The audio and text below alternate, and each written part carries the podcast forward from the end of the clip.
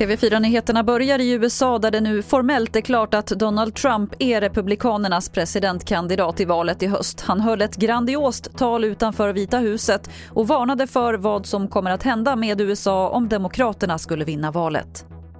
This election will decide whether we will defend the American way of life or whether we will allow a radical movement to completely dismantle and destroy it. Så kan jag också berätta att det just nu är runt 80 personer på plats i regeringskvarteren i centrala Stockholm och de har blockerat vägar. Det är en aktivistgrupp som kallas XR och de säger att över 400 personer kommer samlas idag för 48 timmar av fredlig civil olydnad där målet är att få regeringen att utlysa klimatnödläge.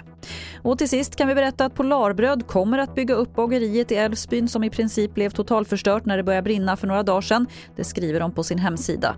Och på måndag ska statsminister Stefan Löfven och arbetsmarknadsminister Eva Nordmark besöka Älvsbyn och diskutera vilka följder branden får. Det var det senaste från TV4 Nyheterna. Jag heter Lotta Wall.